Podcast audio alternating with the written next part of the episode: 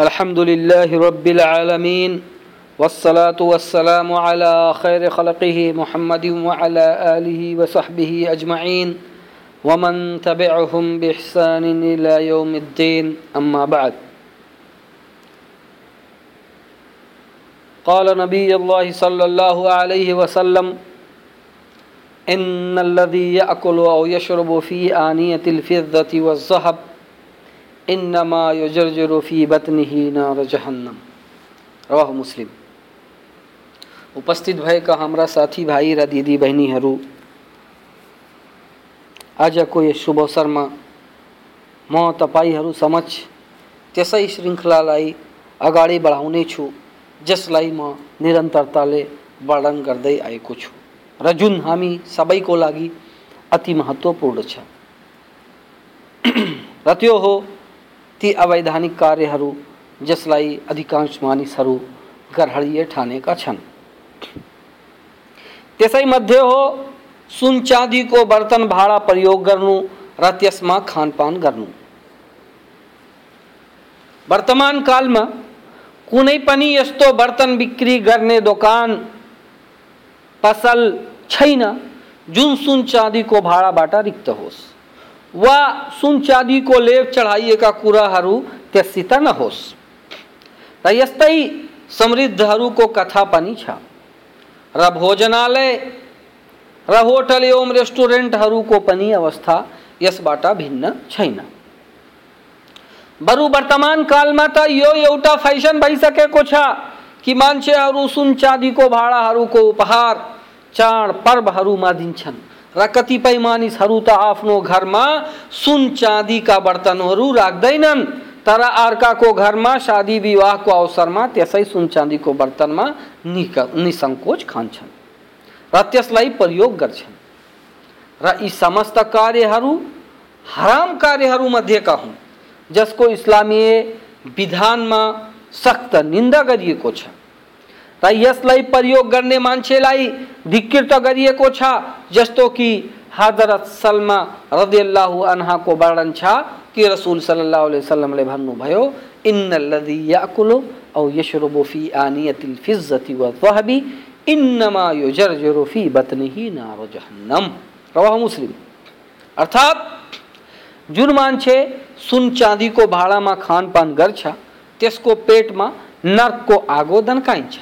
यसलाई मुस्लिमले भाग तिन पेज चौध सौ सोह्र सौ छत्तिसमा वर्णन गरेका छन्।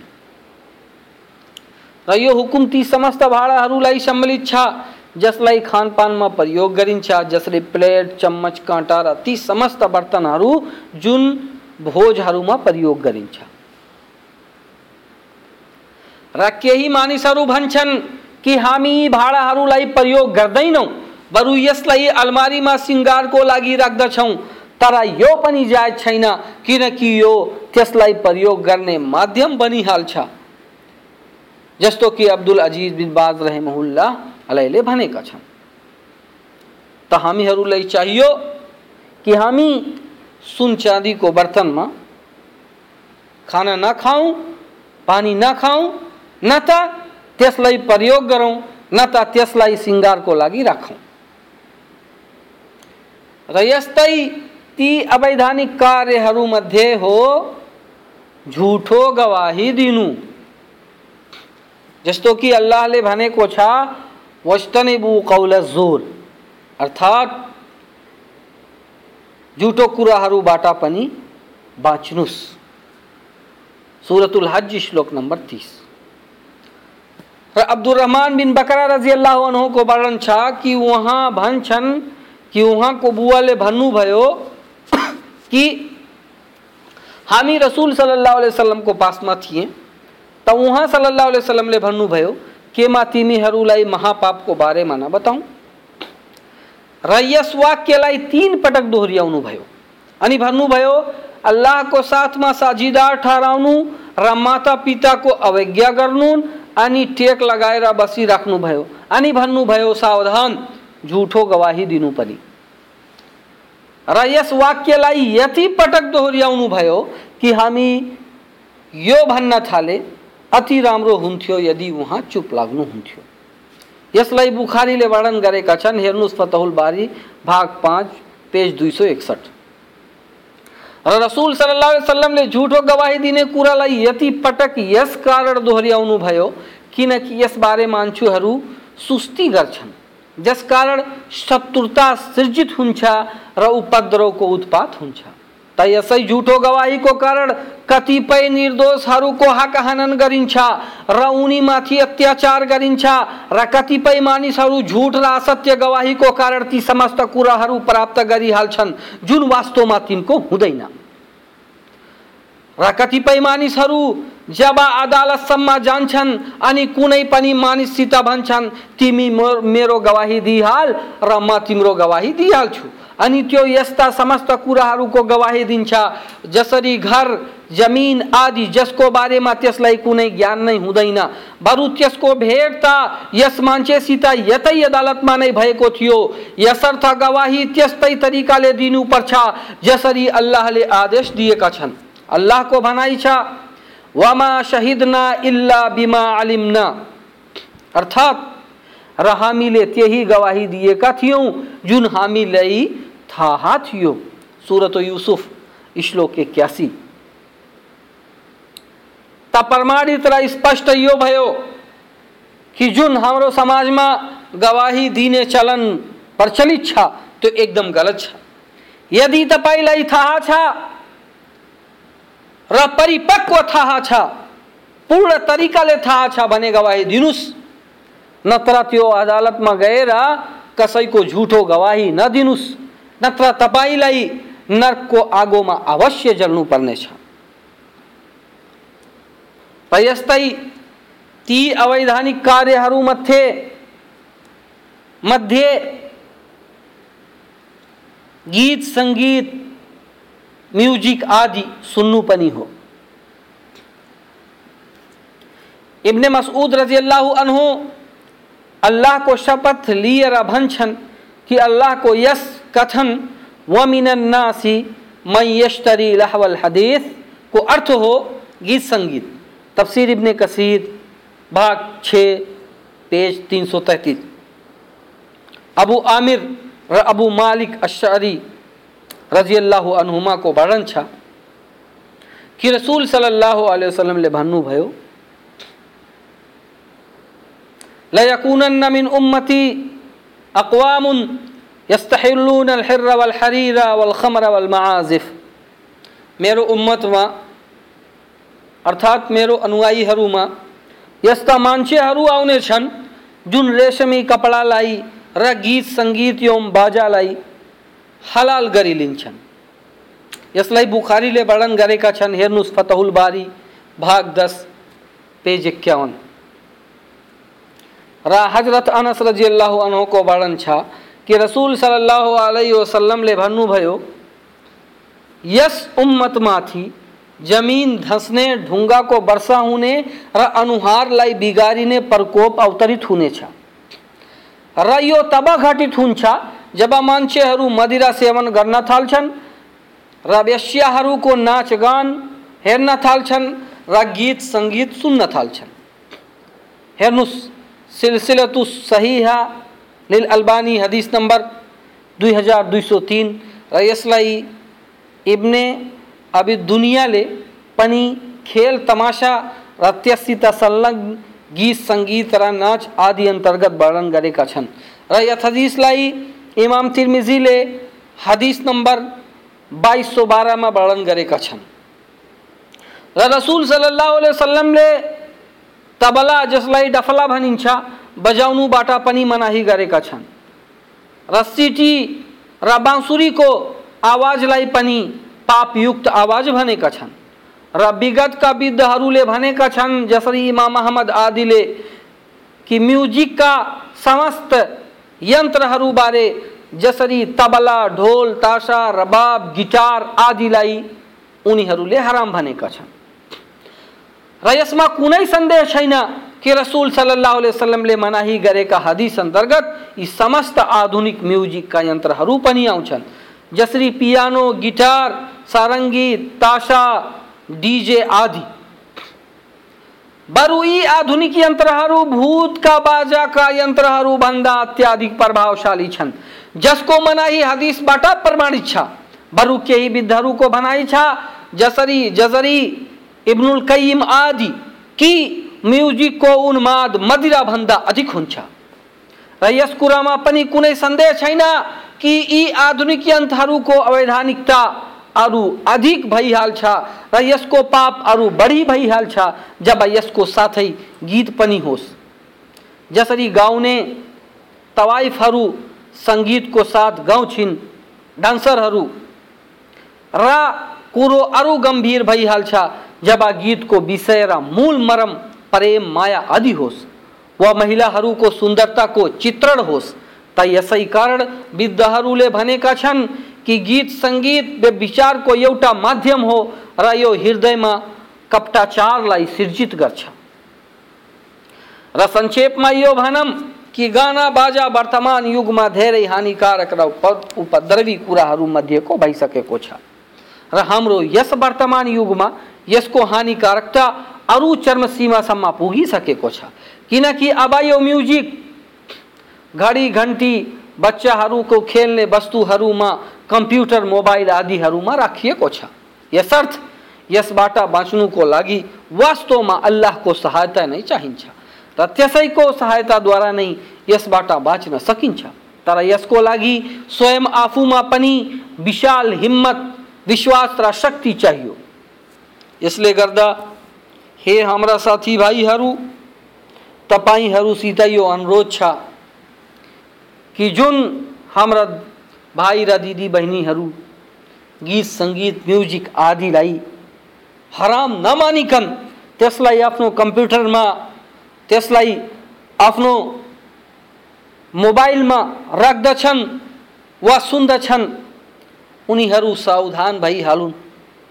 किनकि यो तपाईँको सांसारिक जीवनमा उथल पथल मचाइदिन्छ र परलोकमा जुन सजाय मिल्छ त्यो त छँदैछ यसर्थ तपाईँ यसबाट बाँच्नुहोस् यो नै तपाईँको लोक परलोक दुवैको लागि हितकर हुन्छ यस्तै, ती अवैधानिक कार्यहरूमध्ये एउटा कार्य गिबत अर्थात् पिसुन्ता पनि हो। वर्तमान कालमा अर्कोको बुराई वर्णन गर्नु, पिसुन्ता गर्नु र अर्कोको उपहास गर्नु, हाँसो गर्नुको माध्यम बनिसकेको छ? र आफ्नै मुसलमान भाइको इज़्ज़त, सम्मानसित खेलवाड गर्नुको माध्यम यो पिसुन्ता भइहालेको छ। र यो यस्तो कुरा हो, जसबाट अल्लाहले आफ्ना भक्तहरूलाई रोकेका छन् र भक्तहरूलाई यसबाट टाढा रहने आदेश गरेका छन् र यसको चित्रण यस्तो घृणित तरिकाले गरेका छन्, यसबाट स्वच्छ आत्मा राख्नेहरू टाढा भइहालुन् अल्लाहको फरमान छ, या अय्युहल्लज़ीना आमनु इज्तनिबू कसीरम मिन ज़न्न इन्न बअद ज़न्न इस्मुन वला वला वला यगतब बअदा, अयुहिब्बु अहदुकुम अन याकुल लहमा मैतन वत्तकुल्लाह तव्वाबुर रहीम। हे इमानवालाहरू धेरै शङ्का उपशङ्का गर्नुबाट बच। किनभने केही शङ्का पाप हुन्छ। र एकअर्काको जासुसी नगर र न त कसैको अनुपस्थितिमा निन्दा पिसुन्ता नै गर के तिमीहरूमध्ये कसैले आफ्नो मृतक भाइको मासु खान चाहन्छ यसलाई तिमीले अवश्य नै घृणा गर्नेछौ तसर्थ अल्लाहसित डर मान्ने गर निश्चय नै अल्लाह परियाश्ची स्वीकार करने वाला अत्यंत दयावान छ सूरतुल हुजरात श्लोक नंबर बारह रसूल सल्लल्लाहु अलैहि वसल्लमले यसको अर्थलाई यसरी दर्शाएका छन्। एक दिन एउटा सभामा रसूल सल्लल्लाहु अलैहि वसल्लमले सहाबाहरूसित सोधे, के तिमीहरूलाई थाहा छ कि गिबत पिसुन्ता के हो? तब उहाँका साथीहरूले भने, अल्लाह र अल्लाहका रसुललाई यसबारे अधिक ज्ञान छ। त उहाँ सल्लाह वसलमले भन्नुभयो यसको अर्थ हो कि तिमी आफ्नो भाइको बारेमा त्यो कुरो भन, जुन त्यसलाई आफूबारे भनिनु अपिरे लागोस्।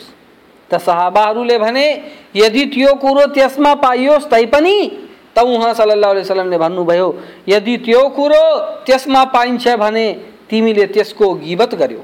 र यदि त्यो कुरो त्यसमा पाइएन भने तिमीले त्यसमाथि आक्षेप लगायो।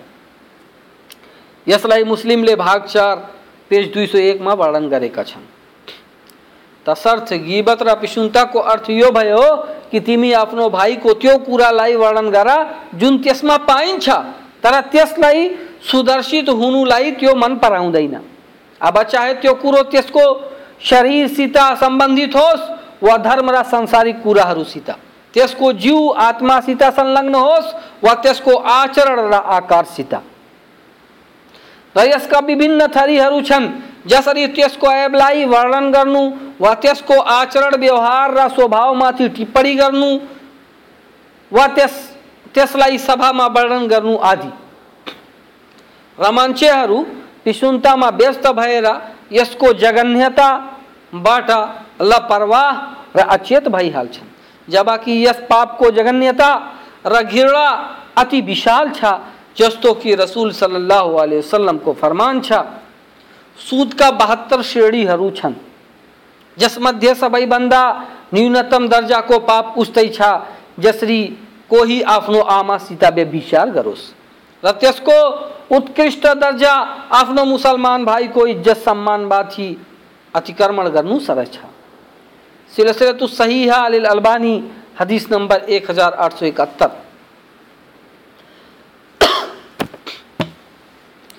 जुन यस्ता खालका बैठक र सभाहरूमा उपस्थित होस्। त अनिवार्य कि त्यो यस्ता खालका गतिविधिहरूबाट अरूलाई रोकोस्। र आफ्नो मुसलमान भाइको इज़्ज़त सम्मानको रक्षा गरोस्। किनकि रसुल सल्लाह वसलमले यस्तो गर्नुतर्फ प्रेरित गरेका छन्। उहाँ सल्लाह वसलमको फरमान छ। जसले आफ्नो भाइको इज्जतको रक्षा गर्यो अल्लाह त्यसलाई प्रलयको दिन नर्कको आगोबाट सुरक्षित गरिदिन्छ यसलाई अहमदले भाग छ बेच पेज चार सौ पचासमा वर्णन गरेका छन्। र यो सहिउल जामेको हदिस नम्बर छ हज़ार दुई सौ अडतिसमा पनि वर्णित छ। यसले गर्दा, हे हाम्रा साथीभाइहरू हे हाम्रा दिदीबहिनीहरू कसैको पिसुन्ता र निन्दा गर्नुबाट बच्नुहोस् किनकि यो तपाईँलाई यस संसारमा त कष्ट दिँदैछ अर्थात् यदि त्यसलाई थाहा भयो भने त्यसले पनि तिम्रो कम्तीमा पिसुन्ता गर्नेछ वा तिमीलाई कुनै शारीरिक हानि पुर्याउनेछ र परलोकमा त यसको दण्ड छँदैछ यस्तै ती अवैधानिक कार्यहरूमध्ये चकुली खानु पनि हो। चकुली वर्तमान कालमा यस्तो माध्यम भइहालेको छ जसद्वारा मानिसहरू बिच शत्रुता ईर्ष्यालाई विस्तार गरिन्छ। र मानिसहरूको एक अर्कासित भएको रिस्टा नातालाई विच्छेद गरिन्छ। रिश्तेदार र बिच खाल्टो खनिन्छ र यसै कारण अल्लाहले यसको सख्त निन्दा गरेका छन्। अल्लाहको फरमान छ हम्माजिम मशाइम बेनमीम बदनाम आँखों को दुर्गुर वर्णन करने वाला र चकुली गर्दई हिड़ने वाला। सूरतुल कलम, श्लोक नंबर ग्यारह। हज़रत हुजैफा रज़ी अल्लाह को वर्णन छ कि रसूल सल्लल्लाहु अलैहि वसल्लम ले भन्नुभयो ला यदखुल जन्नत कत्तात। चुकली गर्दै हिँड्ने वाला मान्छे स्वर्गमा प्रवेश पाउँदैन यसलाई बुखारीले वर्णन गरेका छन् हेर्नुहोस् फतहुल बारी भाग दस, पेज चार सौ बहत्तर। र इब्नुल असीर, भाग चार, पेज ग्यारहमा पनि, यो हदिस वर्णित छ। र कत्तात चुगुलखोर शब्दको अर्थमा भनिएको छ कि यसको अर्थ हो कुनै समूहको कुरालाई लुकेर सुन्नु अनि त्यसलाई अरूसित वर्णन गर्नु। र इब्ने अब्बास रज़ी अल्लाह को वर्णन छ कि रसूल सल्लल्लाहु अलैहि वसल्लम मदीनाका बगैँचाहरूमध्ये एउटा बगैँचाबाट गुज्रनुभयो अनि दुईटा मानिसहरूको दुखित कुराहरू सुन्नुभयो जुन आआफ्ना चिहानहरूमा यातना भोगिरहेका थिए। त रसुल सल्लाह वसलमले भन्नुभयो, यी दुबई चिहानमा भएका मानिसहरूलाई यातना दिइराखिएको छ। र दुबईलाई कुनै ठुलो कुराको लागि यातना दिइराखिएको छैन? र अर्को हदिसमा छ कि त्यो ठुलो कुरो हो, जसको लागि यातना दिइराखिएको छ।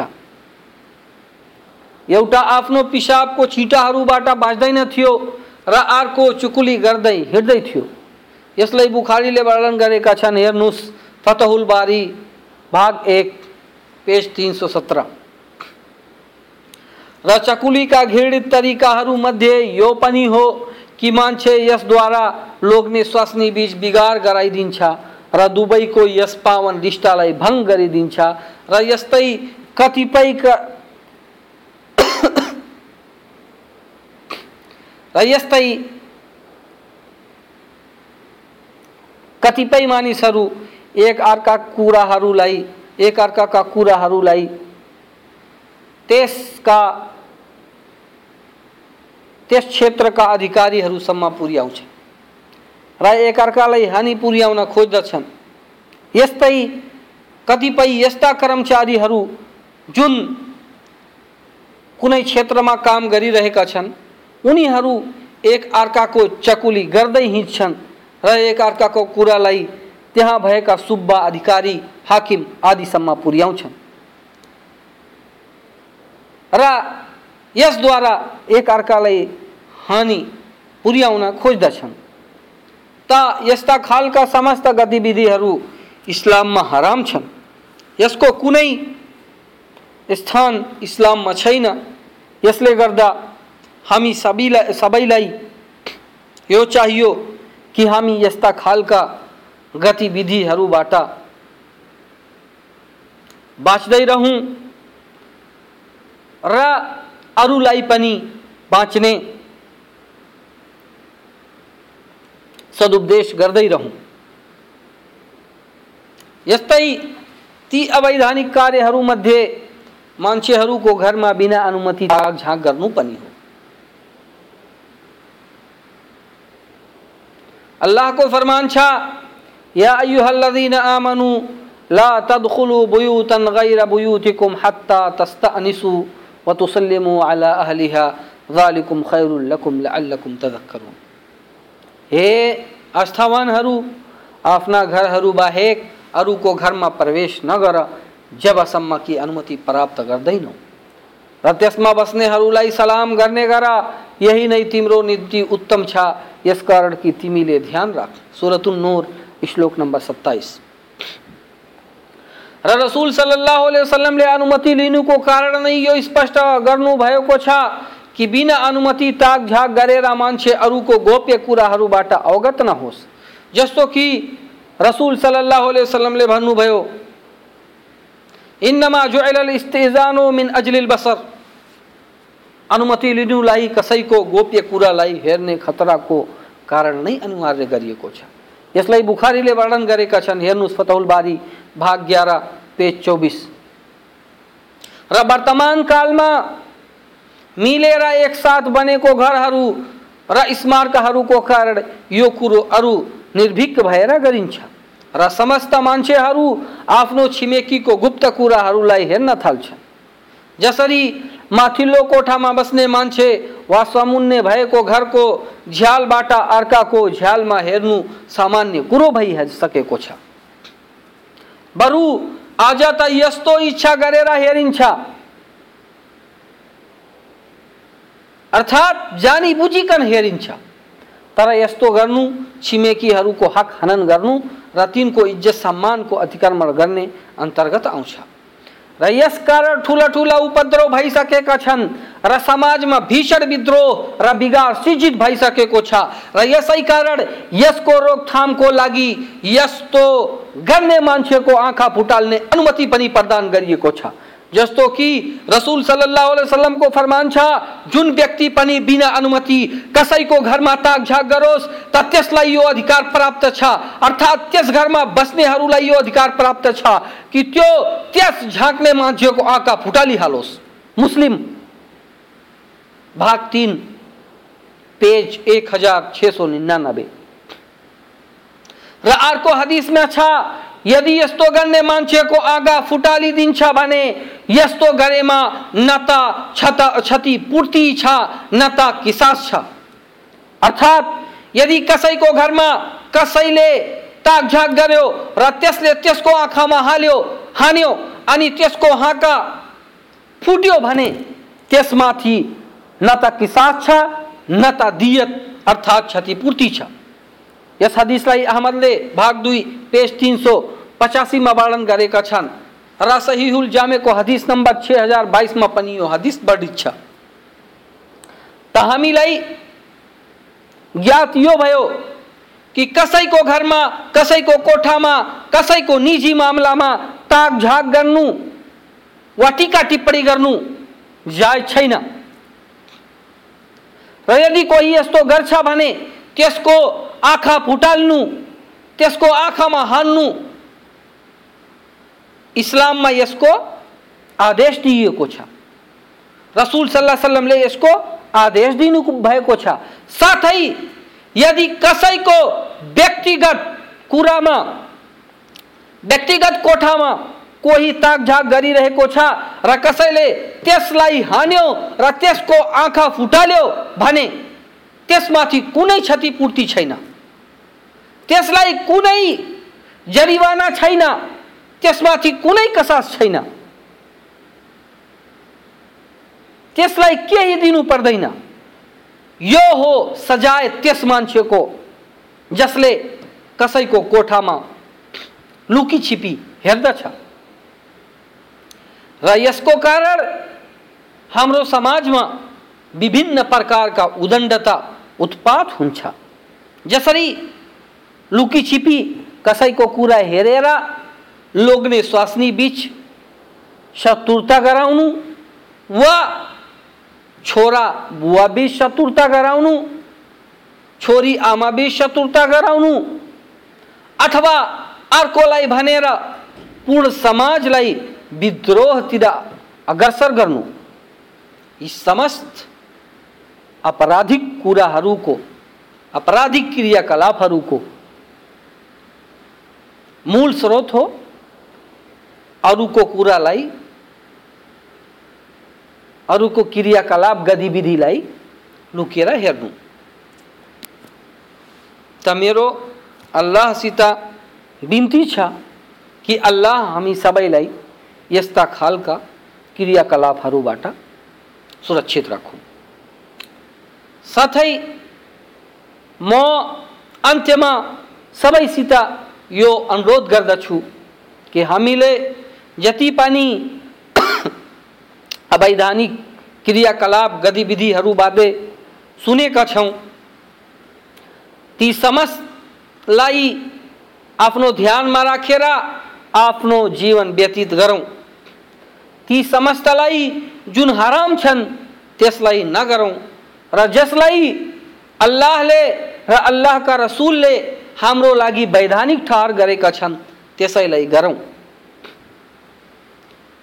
यदि हामीले रसुल सल्लाह अलैहि वसल्लम, र उहाँका सहाबाहरूको पद्धतिलाई राम्ररी थामे त्यसैमा दृढ रहे भने हामी स्वर्गमा अवश्य जानेछौँ तर यदि हामीले रसूल सल्लाह अलैहि वसल्लमको पद्धति, र सहाबाहरूको पद्धतिलाई छाडे भने हामी नर्कमा अवश्य जानेछौँ किनकि रसुल सल्लाह अलैहि वसल्लम ले वसल्लमले भन्नुभएको छ, अलैकुम बेसुन्नति वसुन्नतुल खुलफाए राशिदीन अल महदीन मिन बादी। अर्थात, मेरो पद्धतिलाई र मेरा सत्यनिष्ठ सदाचारी खलिफाहरू, उत्तराधिकारीहरूको पद्धतिलाई राम्ररी दृढताको साथ समाति राख्नु।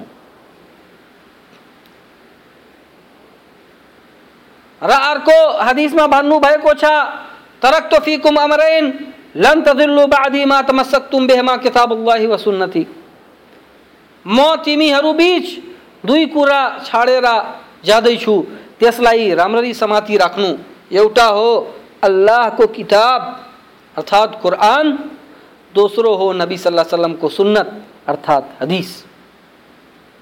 तयदि हामीले यी दुबई बमोजिम कार्यरत रह्यौँ भने हामी स्वर्ग अवश्य पाउनेछौँ र यदि हामी यस मार्गबाट विचलित भयौँ भने याद राख्नुहोस् पर्लेको दिन न त तिम्रो बुवा बाजे काम आउनेछन् न तिम्रो स्वास्नी आमा र दिदी बहिनी काम आउनेछन् न त तिम्रो माल संपत्ति, धन छोराछोरी आदि काम आउनेछन्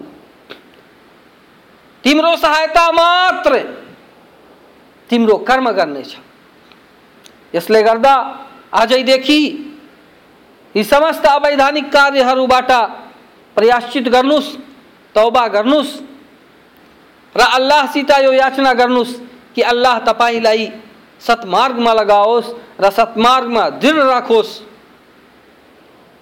अल्लाहसित बिन्ती छ कि हे अल्लाह, हामी मध्ये जुन बिरामी छन् उनीलाई निको पार सन्चो पार र हामी मध्ये जुन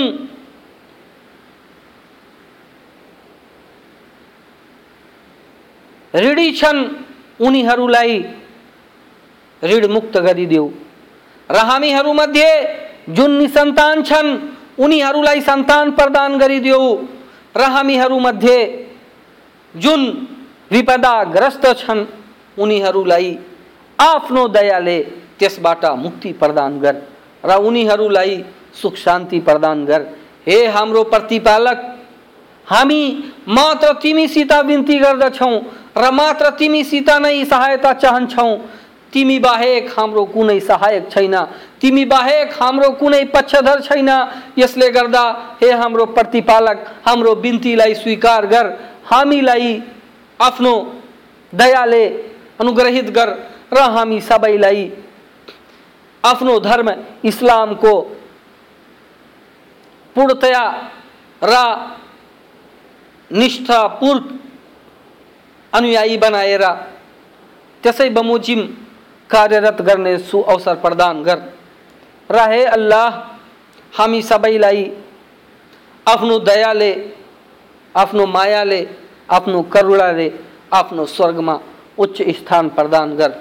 अकूल कौली हादा वास्तफ़िरल्ला वलकुम वलसाइर मुस्लिमीन फ़स्तफ़िर इन्नहु हुवल गफ़ूरुर रहीम।